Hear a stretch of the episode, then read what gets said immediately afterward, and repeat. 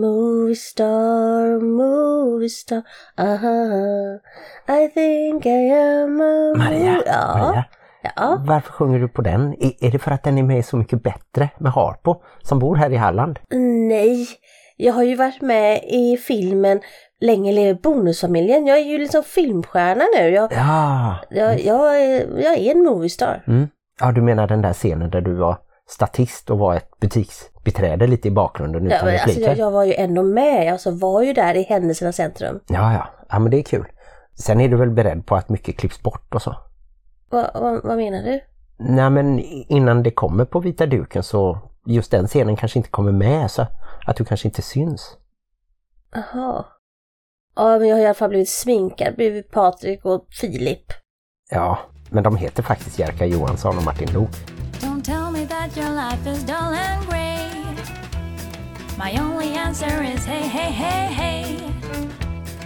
Let's go crazy in the wild, and if by chance we make a child, that just means that we're alive and healthy.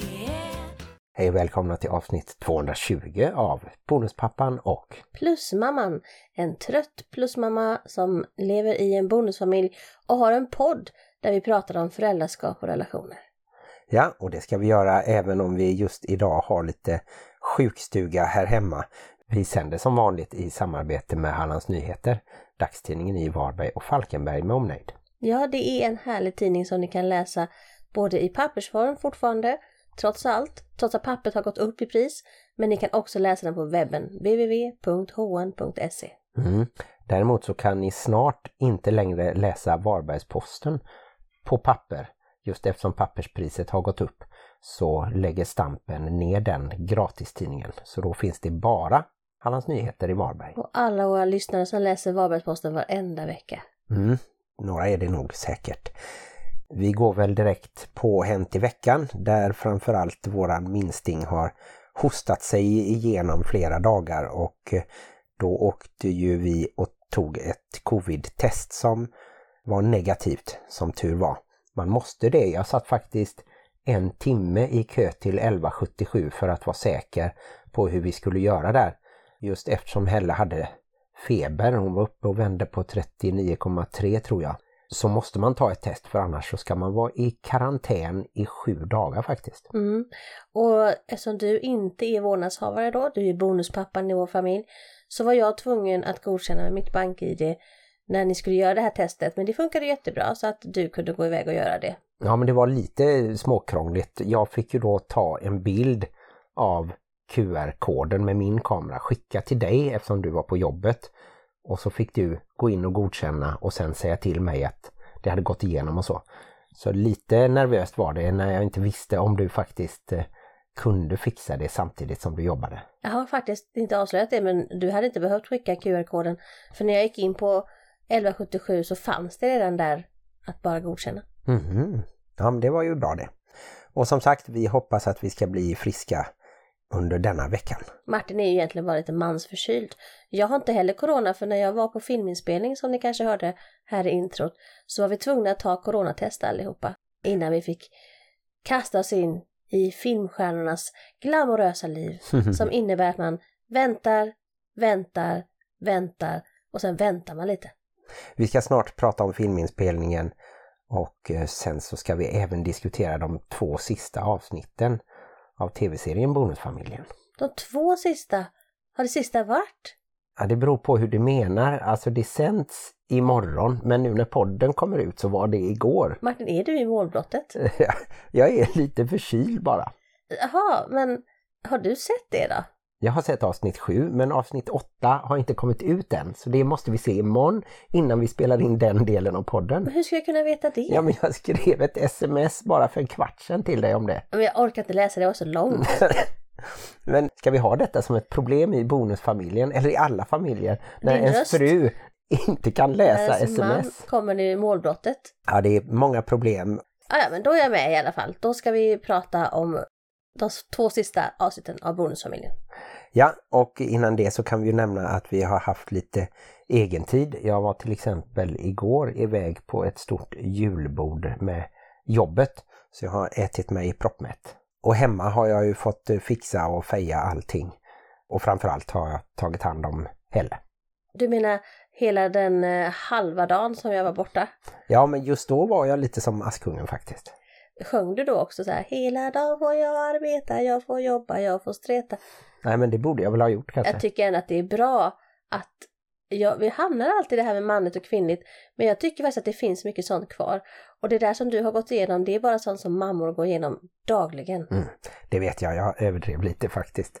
Men ska du inte berätta lite om hur det var nu då när du åkte upp till Stockholm för att vara med om filminspelningen? Ja, men det var jättekul faktiskt och eh, det var väldigt tidig morgon för att vi skulle, jag och en annan tjej, vi var ju lite mer än statister faktiskt. Mm. Vi var major statists. De andra var bara pöbeln, de bara satt där och drack kaffe med sina munskydd och väntade. Men jag och Olivia, vi fick åka till ett annat ställe där vi fick smink och hår och gå och få på speciella kläder som de hade där. Och det var ju då jag fick sitta bredvid både Jerka Johansson och Martin Luuk. Ja just det, som ju är bror till den kanske ännu mer kände Christian Lok, programledaren. Men Martin Lok var ju med i Killinggänget. Däremot var Christian Lok med i Hassan. Men i båda produktionerna var Henrik Schyffert med. De är liksom lite lika fast ändå inte. Det är som min exman, han och hans bror är också lika. Och jag tror att min kompis Sofia en gång sa att ja, men Stefan han ser lite ut som en karikatyr av Anders. Mm.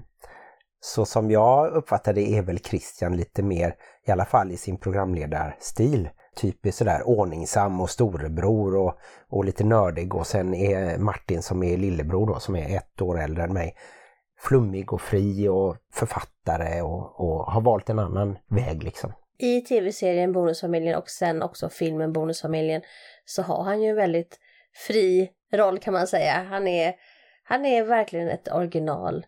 Ja, nu spårade vi ur lite och så ska vi tillbaka till min fantastiska filminsats då. Och sen när vi hade blivit eh, målade och piffade och fixade och jag ser mig ut som en tant än jag någonsin har gjort. Så om jag nu dyker upp och inte blir bortklippt så kommer ni att se mig som den där tanten i en fin affär som heter Judit som finns på riktigt i Stockholm vid Hornstull, vid Zinkensdamm där vi faktiskt var förra helgen och intervjuade David Edfält. Just det, vi funderade på om vi skulle få med den intervjun redan nu i avsnitt 220 men det kommer bli i nästa avsnitt 221. Mest för att mitt pussel på Instagram ska stämma. Har ni sett mitt fina pussel på Instagram? Gå in på bonuspappan.plusmamman på Instagram. Ja, man måste se hela bilden. Annars kan de där små bilderna ibland se lite konstiga ut. Men ser man hela bilden så ser man mitt fantastiska verk Mm. och eh, legacy till eftervärlden. Ja, vad fick ni sen för instruktioner liksom när ni väl var på plats och kameran var framme? Mm. Olivia skulle ju då gå fram med en väska till Patrik, heter ju rollfiguren, Erik Johansson, och berätta för honom att den kostade 6000.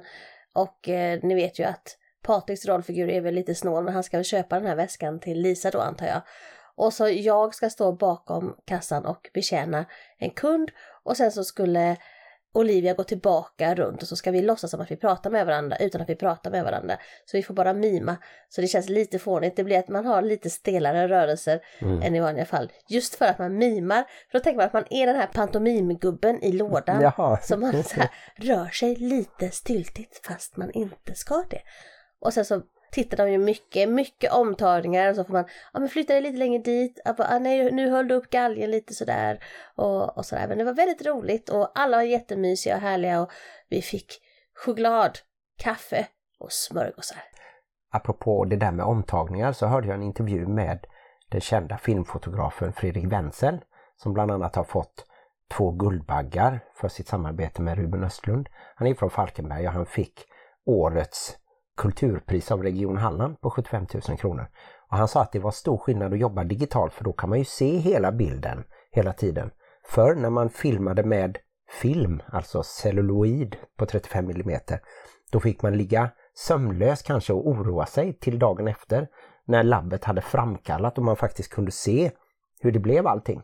Men här kan de ju gå in och, och titta direkt att ja, galgen var på fel höjd. Ja men precis, Felix sprang där fram och tillbaka och sa Nej, nu får du gå lite ditåt till eh, kanske Jerka då eller Nej men här ser ju bara din rygg eller oj nu syns mattorna i reflektionen på speglarna och sådär. Så att ja, det var väldigt kul Mm. att få vara med om. Träffade du någon av dem som vi har haft med i podden? Vi har ju intervjuat många av skådisarna. Ja, jag träffade ju då Martin Luuk och eh, Erik Johansson. Eller träffade och träffade. Jag försökte bara vara cool och prata med dem som att de inte är några speciella människor Mhm, alls. mhm. Men eh, nej, det var ingen av dem som var med i podden som var i just den scenen som jag var med i. Nej, just det. Martin Luuk har jag intervjuat men det var ju 15-20 år sedan i samband med Killinggängets eh, film Fyra nyanser av brunt. Nej, men vi har väl haft med väldigt många, men just Erik Johansson har ju lyckats krypa under radarn kan man väl säga. Mm. Vi får se om vi får tag på någon inför långfilmen till exempel eller nu i samband med tv-seriens sista Alltså du kan ju avsnitt. intervjua mig. Jag har ju varit med i Ja, precis. Ja. Mm. Nej, men det, du kan eh, prata med min agent sen. Mhm. Och sen det här att du var då en lite viktigare statist, att man faktiskt visste att man skulle se dig. Det gjorde väl att du inte kunde vara med sen i, i vissa andra scener?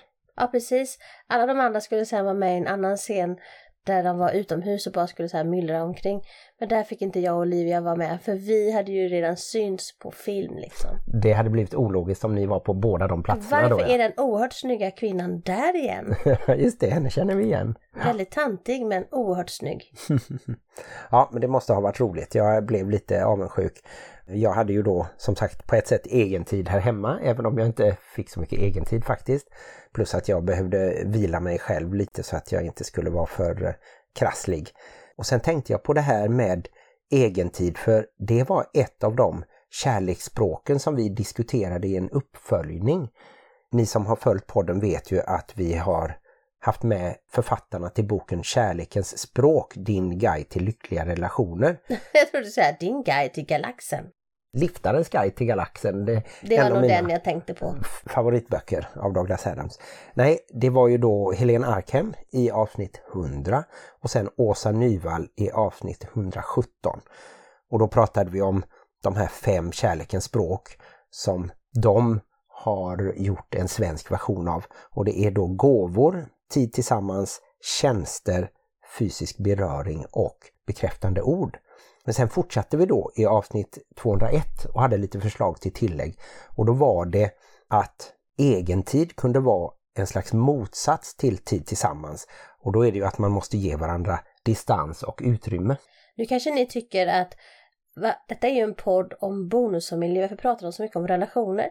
Men det är för att om du inte jobbar på din relation i din bonusfamilj så kommer din bonusfamilj att krackelera och spolas ner i avloppet.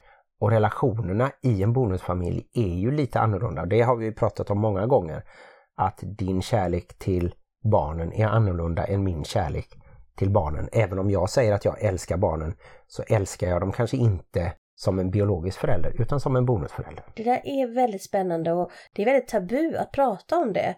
Och jag tänker att om man vågade adressera det lite mer så här att, och prata med barnen också på något sätt att kärlek kan se olika ut och det behöver inte vara sämre eller bättre utan det är bara olika. Så kanske inte hade varit så känsligt. Men nu flummar vi ut väldigt långt. Ska jag säga vad jag tycker om kärlekens språk? Nej, du ska säga vad du tycker om egentid. Tycker du att distans och utrymme är ett eget kärleksspråk? Aha, nej alltså det tycker jag väl inte egentligen. Jag tycker inte att distans är kärleksspråk, men det kanske är bara för att jag inte använder det som kärleksspråk. Det hade varit jobbigt så här. Ja men eh, varför är du borta så mycket Maria? Bara, Ja men det är för att jag älskar dig. Jag bara visar dig kärlek genom att hålla mig borta. Mhm. Så egentid för dig är ju, Ett nödvändigt ont. ja fast du behöver ju inte egentid. Du vill hellre ha tid tillsammans hela tiden. Ja men så är det. Alltså Ja. jag, så här nu när jag åkte till Stockholm och du säger att du var avundsjuk på mig för att jag var där. Det var kanske inte var för att jag hade egen tid då. Eller för att jag fick sova i härligt fina fluffiga hotellakan.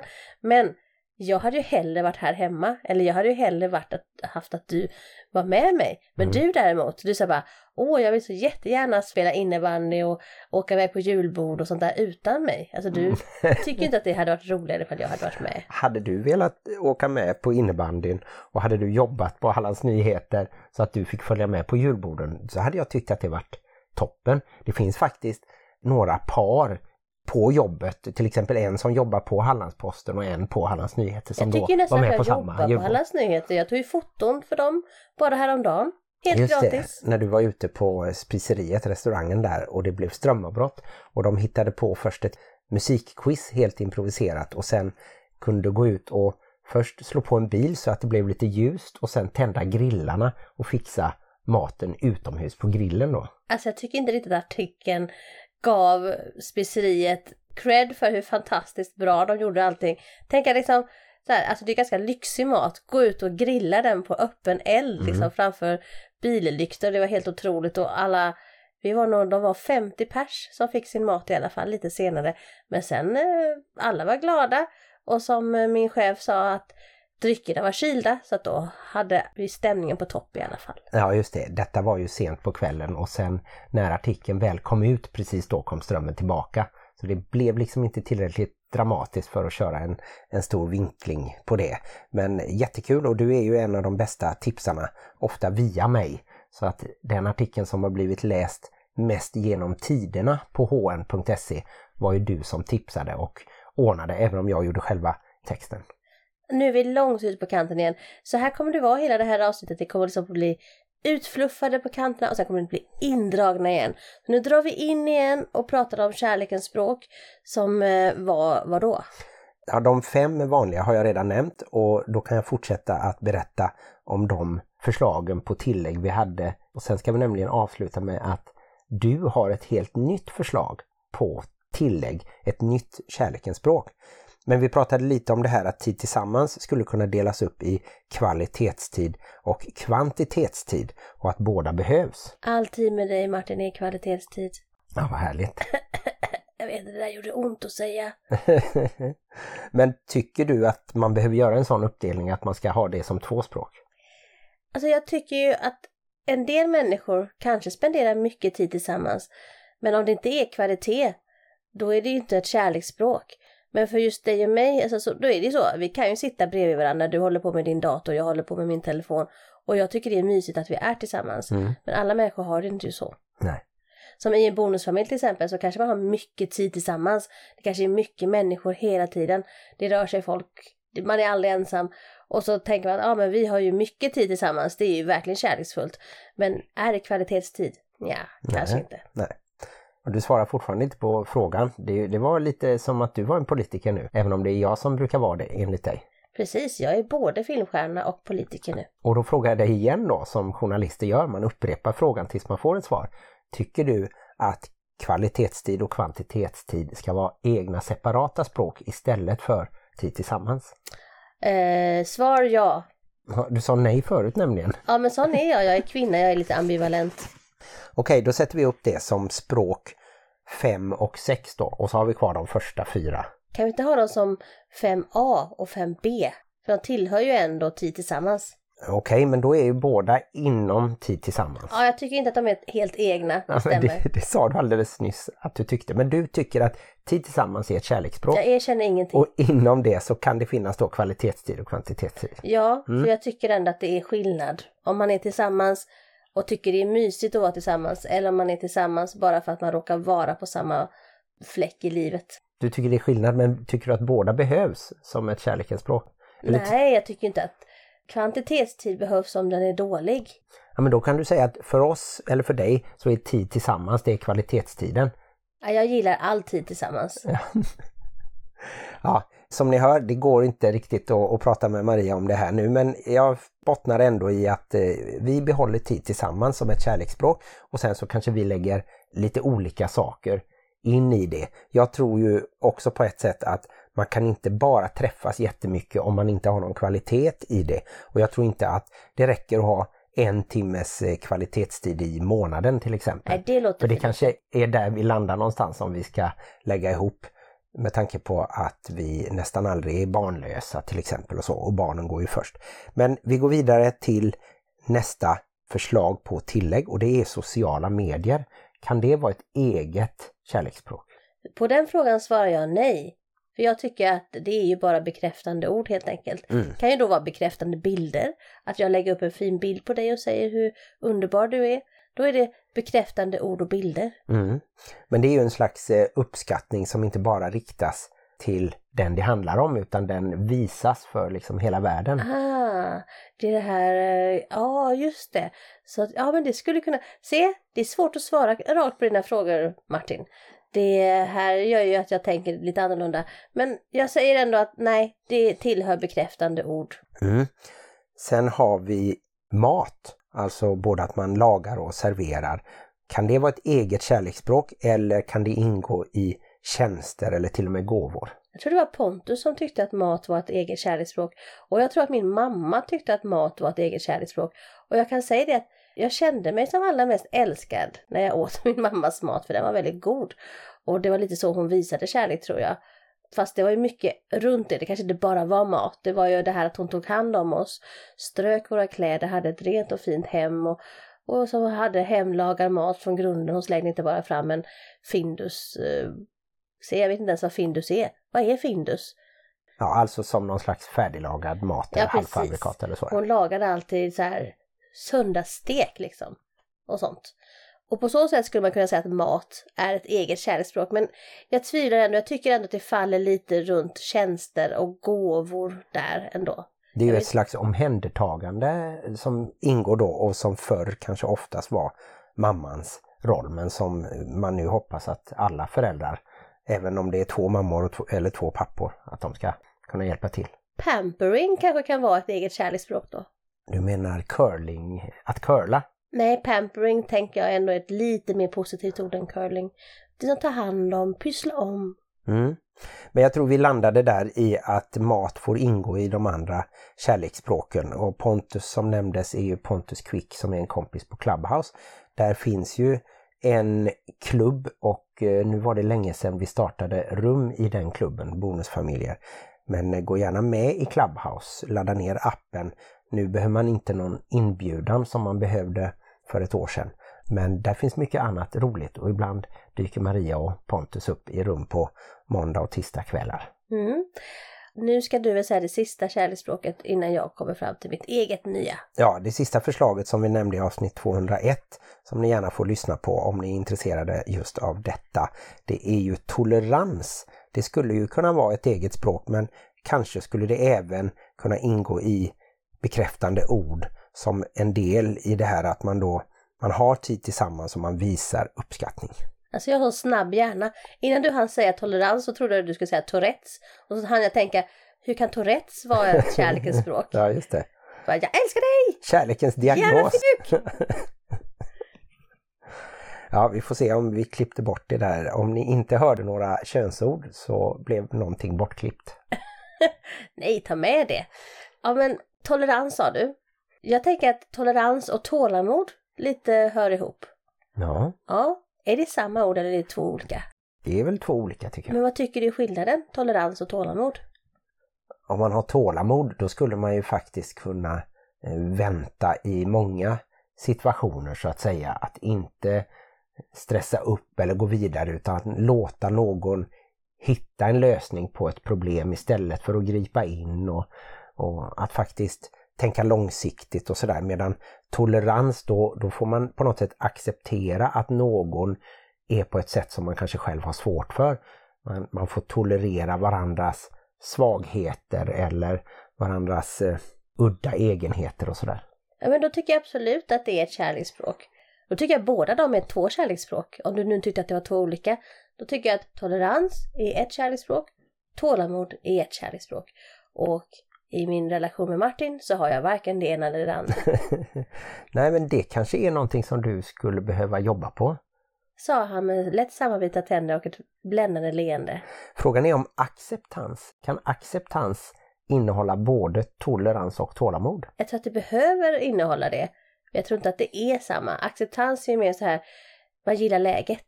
Acceptans kanske är mer besläktat med tolerans då.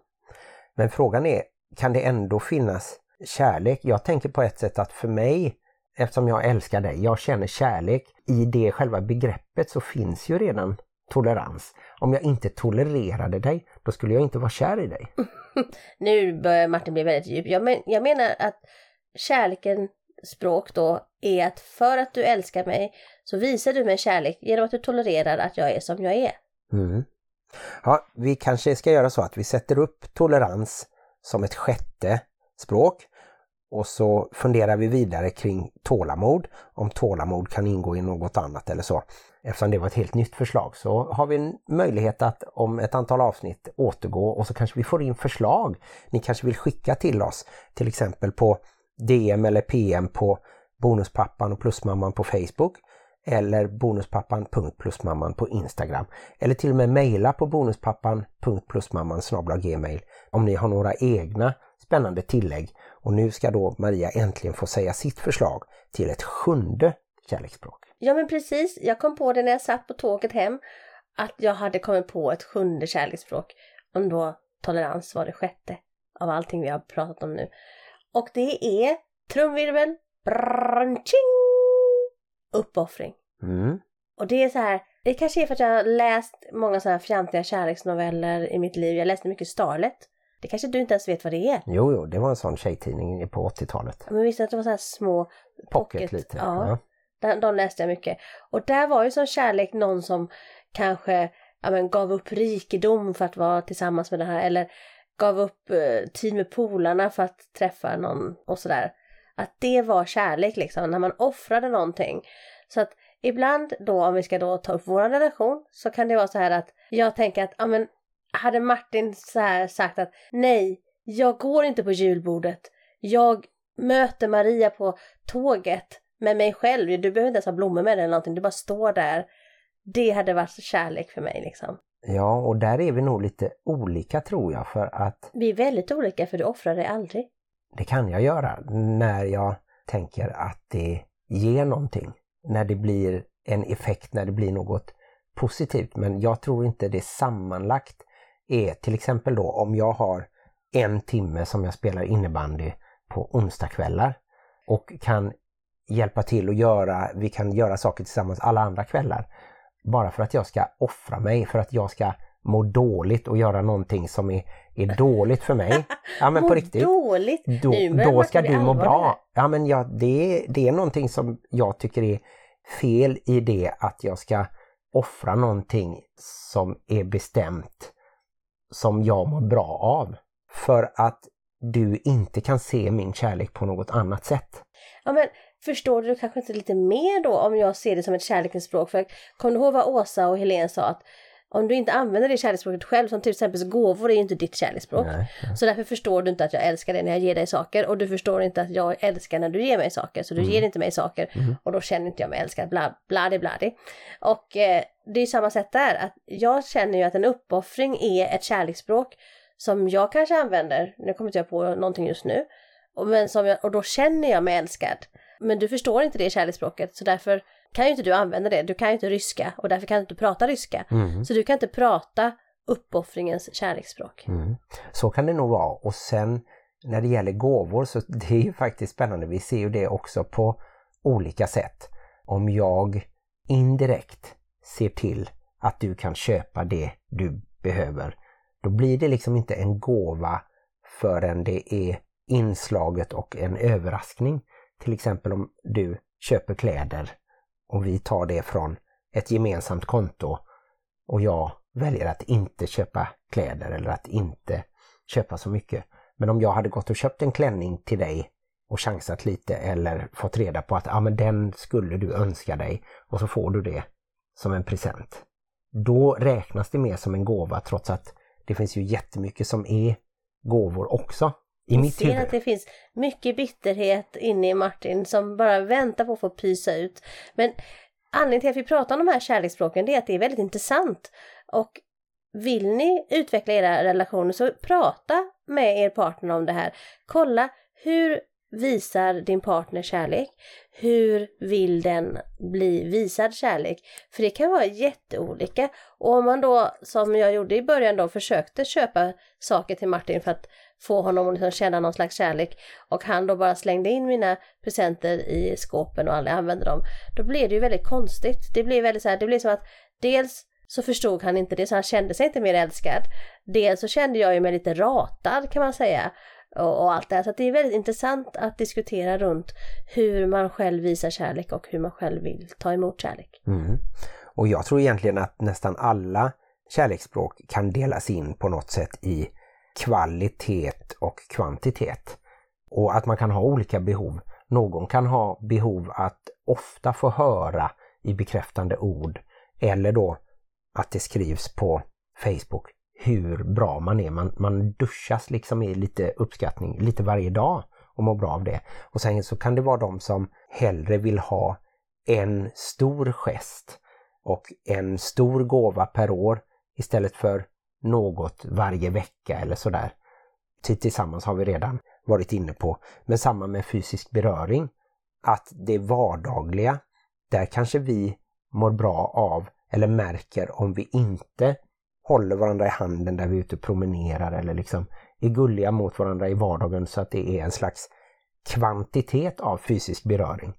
Medan det finns andra par som håller det separat och så kanske de utåt sett inte är så fysiska med varandra, att de inte pussas inför barnen eller ute på stan eller så. Ja, och då tänkte jag att det gäller också mitt senaste kärleksspråk då som var uppoffring. Och det låter inte så kärleksfullt men det kan ju också vara kvalitet och kvantitet. Om du ger upp någonting som inte betyder någonting för dig, då är det inte en uppoffring. Om du säger, ja men eh, du kan eh, få ligga på min sida av sängen om inte du tycker att det spelar någon roll. Men om du bara älskar din sida av sängen, det var den bästa sidan i hela världen. Och så säger du, älskling, du kan få sova på den här sidan av sängen. Mm. Då är det kärlek. Ja.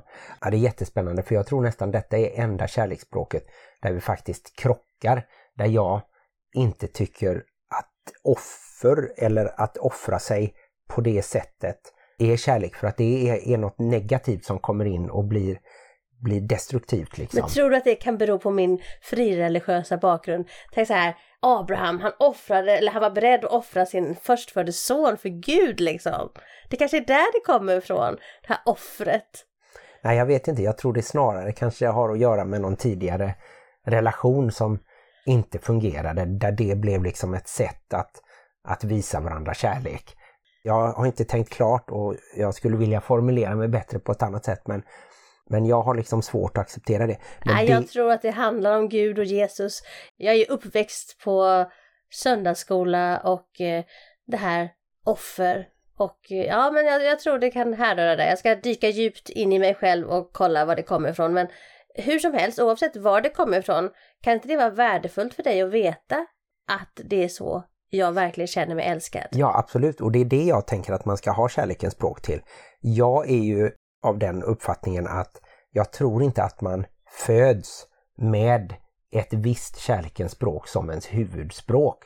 Jag är ju mer av den uppfattningen att man kan i sin hjärna till exempel ha en sexuell läggning, man kan ha en genusidentitet så att man oavsett hur man föds och ser ut biologiskt så kan man identifiera sig med ett kön i sin psykiska uppfattning och att det då kan bli väldigt jobbigt. Men jag tror inte att man har ett kärleksspråk medfött och därför så tror jag just att det är bra att du och jag kan ju ha dels olika kärleksspråk och vi kan ha olika många också. Jag kanske just nu tycker att uppoffring inte är ett kärleksspråk och tolerans kan ingå i något annat så jag kan utgå från de fem som finns. Men möjligen lägga till egen tid och utrymme som du inte vill ha som ett eget kärleksspråk. Så att jag kan ha sex språk och du kan ha sju just nu. Du kan ha sex och jag kan tycka att jag hörde knappt vad du sa för du viftade intensivt med händerna och var lite högröd. Jag tänker att anledningen till att Åsa och Helen då tyckte att de här kärleksspråken var medfödda, det var ju att man kunde ingå i samma familj, ha samma uppväxt och ändå ha liksom helt olika kärleksspråk och redan i sin ursprungsfamilj kanske känna sig oälskad på grund av att man inte blir tilltalad på det kärleksspråk som man själv använder. Mm. Och det finns ju något intressant i hela personligheten där, de olika byggstenarna. Och där tycker jag ju, och det tror jag att du vet och vissa lyssnare kanske, att det är väldigt intressant vilken position i syskonskaran man har. För där kan jag hitta mycket som stämmer med mig och min familj där vi då är tre stora syskon. Båda mina föräldrar och jag och så har vi en lillebror. Men även bland kompisar och jag har flest kompisar som är storebröder faktiskt. När jag även tittar tillbaka i mellanstadiet och högstadiet. Egentligen så är jag bonusfamiljsalarmet när vi som går för långt bort från bonusfamiljen. Så slår ett larm till som säger att nu måste vi prata mer om ombildade familjer och livet i bonusfamiljen. Men som sagt var, relationer är en väldigt stor del av att leva i bonusfamilj. Mm. Och vi har ju faktiskt en gång pratat om det här med bonusbarns position när det kommer in nya syskon. Att man varannan vecka kan vara stora syskon och nästa vecka är man mellanbarn eller lilla syskon. Och plötsligt när man träffar alla och hur ska man då hitta sin plats och så. Det har vi pratat om och det kanske vi kommer prata om i framtiden. Men jag tror nu att det är dags att prata om tv-serien Bonusfamiljen som har handlat mycket om otrohet de här sista avsnitten. Så nu kommer en liten sammanfattning och våra tankar om avsnitt 7 och 8 av den fjärde säsongen.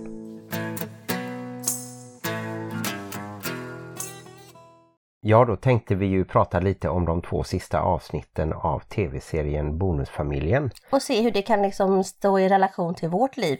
Och det handlar ju mycket om otrohet Martin. Ja, och då har det ju ingen koppling till vårt liv faktiskt. Är du säker på det? Ja. Är du alldeles säker på det? Ja. Så kan det ju vara i en bonusfamilj och i vilken familj som helst. Att den ene är helt övertygad om att den inte har varit otrogen och den andra är jäkligt misstänksam hela tiden. Och det kan faktiskt tära på en relation minst lika mycket som när det faktiskt finns otrohet eller flörtighet. Mm. Så att ibland kan det faktiskt vara den som är misstänksam och eh, svartsjuk som behöver kolla sig själv lite. Har du varit eh, orolig någon gång? jag trodde du skulle säga, har du varit otrogen någon gång? Tänkte, ska vi ta upp det här? Jag har aldrig varit otrogen mot dig Martin. Nej, men har du varit orolig att jag skulle vara det? Alltså nej, jag, jag tycker att du är så himla helylle. Ja, Men å jag. andra sidan, i typ alla filmer så blir det ju någon stackars jäkel som inte tänker att det någonsin skulle hända. Som i Bonusfamiljen. Lisa hade ju aldrig trott att Patrik skulle vara otrogen. Nej. Hon hade ju till och med faktiskt liksom pushat honom lite. Ja men var du med henne? Mm. Och, eh, så, det kanske är kul för dig. Alltså inte var, utan umgås Ja, bara. ja, precis. Och skriva bok och så skulle de göra. Ja, och det måste ju kännas som ett extra hårt slag att hon faktiskt har litat så mycket på honom och dessutom faktiskt sett till hans bästa och tänkt att ja, men det här gör honom glad, låt honom hålla på med det och varit en större kvinna i det hela. Mm. Och kanske inte ens sett att det skulle kunna finnas en chans som det då hände. Nej. Och i avsnittet här så funderar ju Patrik på om han ska berätta för Lisa. Och då säger hans psykolog Jan, säger ju ja, men den tidigare lärarkollegan Filip säger nej. Men Filip har ju verkligen noll koll på läget. Ja. Han har dels noll koll på klädstil och noll koll på hur man för sig bland människor. Han är, alltså på något sätt så känns det som att han har en alldeles egen diagnos. Innan vi går vidare med det så kan vi säga lite kort att Bianca flyttar iväg och ska bo med sin biologiska pappa Jocke i avsnitt 7 då. Och att Martin äntligen säger till Sima att han är redo att flytta ner till Malmö. Det som hon har velat länge. Men då känner hon att det är liksom känslorna har svalnat så att hon gör slut med Martin. Och det får ju konsekvenser även in i avsnitt 8 som vi kan gå in på nu då. Och det är ju där jag tycker att plötsligt så är alla i tv-serien jobbiga. Mm. Alltså till och med Sima, jag bara men nu vill Martin flytta med dig. Han offrar sig själv faktiskt och sina barn. Även om de är liksom lite äldre så betyder det att de får lång väg till sin pappa. Jag tycker att hon faktiskt först och främst är lite självisk som tycker att hon ska bo i Malmö och att Martin ska ge upp då sin nära relation med sina barn och sådär. Men i alla fall så har han ju faktiskt tänkt att ja men nu och då bara nej det är för sent. Mm. Hon bara, eller nej vänta, nej det är för sent. ja då blir jag sur på henne också och, och känner att finns det någon i bonusfamiljen som liksom är lite reko och då hamnar jag faktiskt bara på Henrik. Ja, just det. Men jag tycker samtidigt inte att man kan ha som råd till någon att eh, man ska alltid stanna kvar i en relation för att till exempel då bonusbarnen behöver sin pappa. Nej, men man kan ju stanna kvar i en relation för att man älskar varandra, det är ju en bra grej. De Ja. verkar ju älska varandra. Nej, inte längre tydligen då. Men nej, visst, nej, nej. hela det här avsnittet tycker jag är deppigt och jag satt och funderade lite på ska det liksom sluta lite sådär lågt så att långfilmen sen kan få ett lyckligt slut för att det är liksom är viktigare att en film slutar lyckligt än att en tv-serie slutar lyckligt på något sätt. Ska vi ha någon slags spoiler alert nu när vi går in på sista avsnittet? Nej, alltså det har ju sänds och det finns ju på SVT Play men om ni inte vill veta vad som händer om ni inte har sett avsnittet så kan ni sluta lyssna nu faktiskt. Och så kan ni gå tillbaka och lyssna på något annat avsnitt som ni kanske har missat. Och sen när ni har tittat på avsnittet, då kan ni komma tillbaka till det här avsnittet och lyssna på det. Just det. I alla fall så försöker ju Patrik förklara sig och det är på ett sånt där dåligt sätt som jag också gör ibland kanske. Att det låter som att han skyller ifrån sig när han ska göra liksom en detaljerad förklaring och analysera sitt beteende. Jag kan känna igen mig i det. Det är det jag säger, du är Patrik. Han säger till och med till Lisa Ja, det är ju nästan så att hade du varit med mig där så hade inte det här hänt. Så att han på något sätt skyller på Lisa att han har varit otrogen. Mm. Och det är ju så typiskt Martin. Alltså min Martin. Ja just det, nu tänkte jag också på vilken Martin. Du, det är så ja. typiskt dig. Varje ja, jag... gång du är otrogen så kommer du med dåliga ursäkter. ja just det det är ju lite krångligt att jag heter Martin men jag är inte alls lik Martin i serien. I alla fall så innan vi går in på slutet där det händer en liten dramatisk händelse så kan vi kort säga det som händer runt om är att Martin deppar för att barnen inte vill bo hos honom och då får han till slut en utskällning av sin ganska snälla mamma. Som också har tröttat. Han har varit sjukt taskig mot henne alltså. Alltså jag skäms. Just en stor skämskudde när Martin pratar med sin mamma Big mm. i tv-serien. Ja, han har ju varit som ett, eh, ett stort barn på något sätt. Sen Henrik och Katja. Henrik säger ju äntligen till Katja. Han är ju den snälle och förstående och har ju hjälpt till mycket nu när hennes mamma Louise ska flytta in på ett hem då. Men då markerar han ändå när Katja då har slängt gamla pokaler och bilder från hennes tid som ballettdansös. Där tycker jag hon gör det enda rätta, det är att slänga gammalt skit. Vad ska man ha det till? Ja, men det blir ju lite konstigt då när mamman plötsligt vill ha de grejerna igen. Och det är en väldigt konstig scen när hon går ner i soprummet och ska hämta upp pokalerna och så står det någon snubbe där då som har tagit dem och sagt att nej men är de väl slängda nu, är de mina och sådär. Och då bryter Katja ihop och för första gången kanske visar sig lite sårbar och får ut allt det här, det jobbiga om att hennes mamma nu är dement och sådär då. Och så blir det ju så till slut att hon tar tillbaka grejerna till sin mamma då istället för det här onödiga uppslagsverket. Och då svarar ju mamman att nej men de grejerna ska ju ni ha hemma hos er. Ja. Jag kan ju då dra in, som jag alltid brukar göra, tillbaka det här till att leva i bonusfamilj. Och då tänker jag, när två familjer som har levt ett tag ska bli en familj och dra in all sitt jävla gamla skit i ett nytt hem som faktiskt kanske redan är för trångt. Mm. Då kan det vara så att de gamla pokalerna måste gå hädan. Ja, det får man ju välja själv. Mina är väldigt eh, bortstuvade någonstans i en låda i alla fall. Det grejen är med Martin det är att när han stuvat bort saker, eller nej, när han sagt att ja men det här ska vi slänga eller skänka, så plötsligt kommer det tillbaka igen. men den där har vi sorterat ut. Nej, jag har bara lagt den på ett ställe så kommer den tillbaka igen och då plötsligt så ska det vara legit att ha det. Ja. Det finns en viss sanning i det du säger, kan jag, kan jag väl erkänna. I alla fall, sen tyckte jag det var lite spännande att se att Martin och Patrik faktiskt börjar bråka i en scen. Handgripligen ger sig på varandra.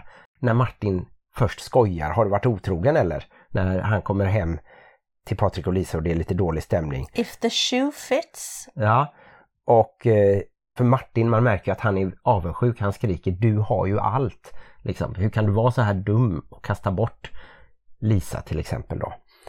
Och sen kommer den här händelsen när Lisa cyklar utan hjälm, får ett sms eftersom hon har festat med sin kollega och blivit bakfull. Så kollar hon mobilen och kör rakt in i en bil. Så det är ju hennes fel. Hon blir hämtad med ambulans, har fått hjärnskakning, har brutit en arm. Och vi har ju tidigare pratat om det här med att om man som familj startar krig mot någon, en granne eller en annan del av släkten eller vad det skulle kunna vara. På skoj har vi sagt att det svetsar samman en familj. Och den här olyckan, då kommer ju alla till sjukhuset. Alla är så måna om Lisa och den händelsen blir liksom starten på att Patrik och Lisa ska försöka igen. Så du menar att om man har varit otrogen så hyr någon som kör på din nuvarande så att hon kan förlåta dig? Eller han då? Nej, verkligen inte. Men jag tänker att sånt kan ju hända och då visar det ändå att familjebanden ändå är ganska starka. Eller i alla fall att man lägger allt annat åt sidan. Till exempel om man har någon i familjen som mår dåligt fysiskt eller psykiskt. Så går ju det liksom före kanske alla andra relationer på något sätt och man fokuserar på det och glömmer sina andra problem. Mm, ja, men mer kriser till folket, alltså mer rejäla kriser. Aliens som invaderar, världskrig, naturkatastrofer.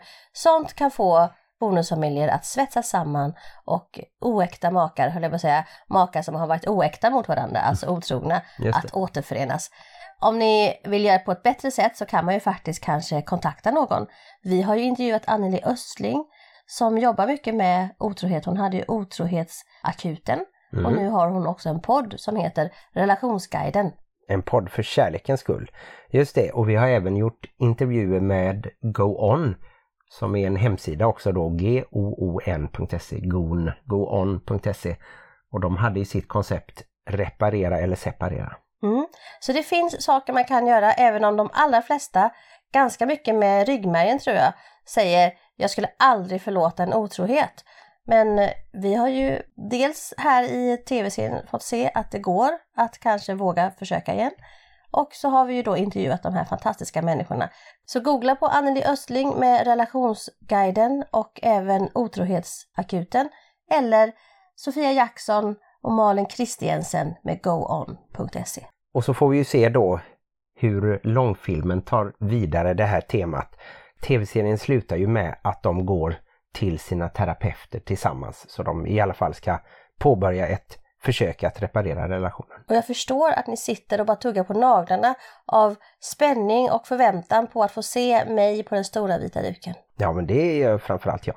Jag känner att det kommer bli sån här rolig stripp att vi har typ samlat en hel biosalong full med människor och så har de klippt bort min scen. Man vet aldrig. Eller så bara syns jag sådär med mitt ena öra eller någonting. Men ser ni något leopardmönstrat så är det jag.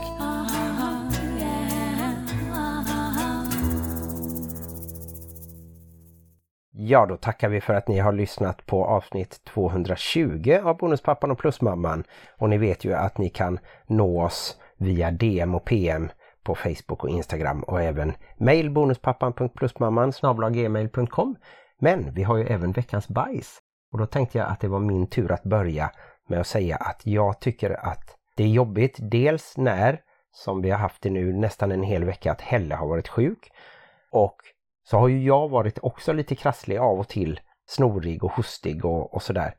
Och när du då är borta, antingen när du jobbar kväll eller när du som nu var iväg i Stockholm ett dygn lite mer, då känner jag att jag är lite för dålig på att hålla ordning och, och städa och så här, eller vattna granen eller sånt där.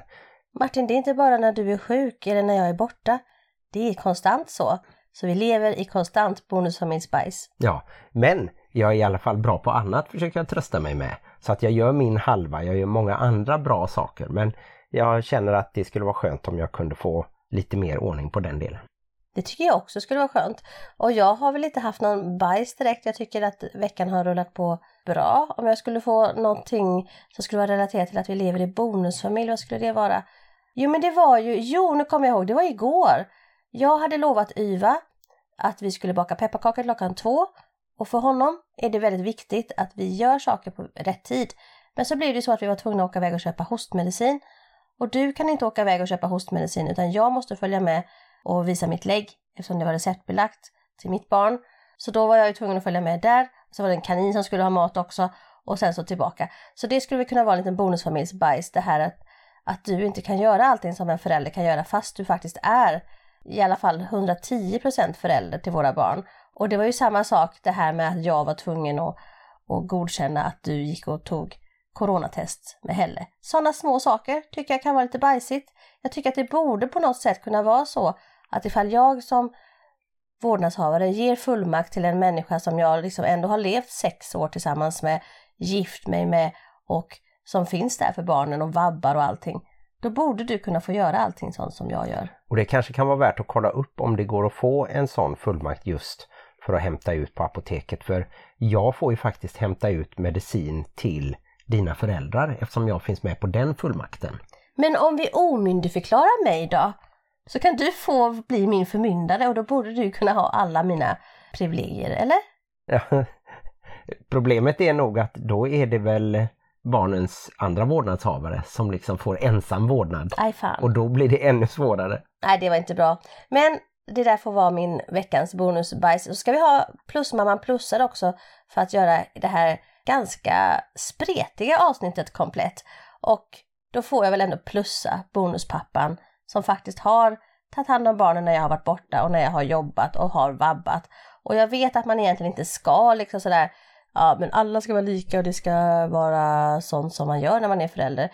Men jag tycker ändå att du förtjänar en eloge för att du har varit en väldigt bra bonuspappa de här dagarna. Tack, jag har gått upp eh, på natten några gånger och låtit dig sova och det tycker jag att eh, det, det känns bra efteråt. Nu plussar bonuspappan sig själv. Det kan man också göra. Så här, bonuspappan boostar sig själv. Ja, nästa vecka kanske det blir lite mer ordning och reda och då har vi ju som sagt en fantastisk gäst i psykologen David Edfält. Ja, jag tror jag har en ny idol. Jag älskar ju Bo Heilskov och även Peter Krantz Lindgren som han har podd tillsammans med var och en för sig. Det är två olika poddar. Och eh, ja, jag tror att jag kanske har en ny idol. Härligt, härligt. Glöm inte att livet i bonusfamiljen kan vara besvärligt. Men också stressigt. För att snart kommer pokergänget, men det är härligt! Hej då! Hur ligger vi till med mat och så? Du måste ge Helle mat. Ja, just det. Jag måste ta ut bullarna, de är brända. Okej. Hej då!